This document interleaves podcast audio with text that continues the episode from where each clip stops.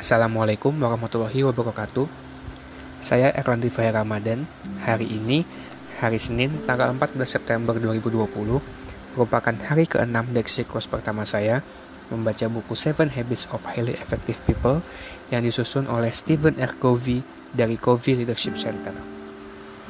Hari ini, saya sudah memasuki bagian kedua dari buku ini yang berjudul Kemenangan Pribadi. Subbab pertama dari bagian kedua ini merupakan kebiasaan pertama dari tujuh kebiasaan yang bisa saya dapatkan dari buku ini yang berjudul Jadilah Proaktif. Saya membaca sebanyak 8 halaman pada hari ini dan mendapatkan beberapa poin dari subbab pertama ini yang dapat saya rangkum sebagai berikut. Saya tidak tahu fakta lain yang lebih membesarkan hati selain kemampuan manusia yang tidak diragukan untuk dapat meningkatkan kehidupannya melalui upaya yang disadarinya. Kesadaran diri memungkinkan saya memisahkan diri dan memeriksa cara saya melihat diri saya sendiri.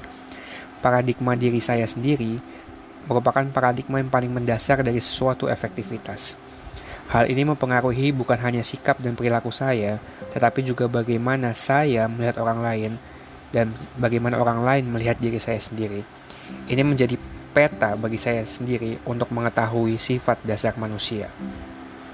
Bahkan sebelum saya bisa melihat diri saya sendiri dan bagaimana cara saya melihat orang lain, saya tidak akan bisa mengerti bagaimana orang lain melihat dan merasa tentang diri mereka sendiri dan dunia mereka.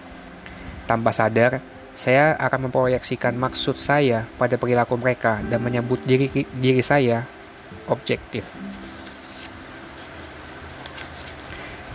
Jika kita hidup seperti binatang, hanya berdasarkan naluri dan kondisian serta kondisi kita, hanya menuruti ingatan kolektif kita, kita pun menjadi suatu pribadi yang terbatas. Anugerah manusiawi mengangkat saya di atas dunia binatang. Sejauh mana saya melatih dan mengembangkan anugerah ini memberi saya kekuatan untuk memenuhi potensi manusiawi yang unik. Di antara stimulus dan respon terdapat kekuatan saya yang terbesar, yaitu kebebasan untuk memilih apa yang saya inginkan. Berikut adalah poin-poin yang saya dapatkan dari membaca sebanyak 8 halaman pada subbab kedua di buku ini. Terima kasih, selamat malam. Wassalamualaikum warahmatullahi wabarakatuh.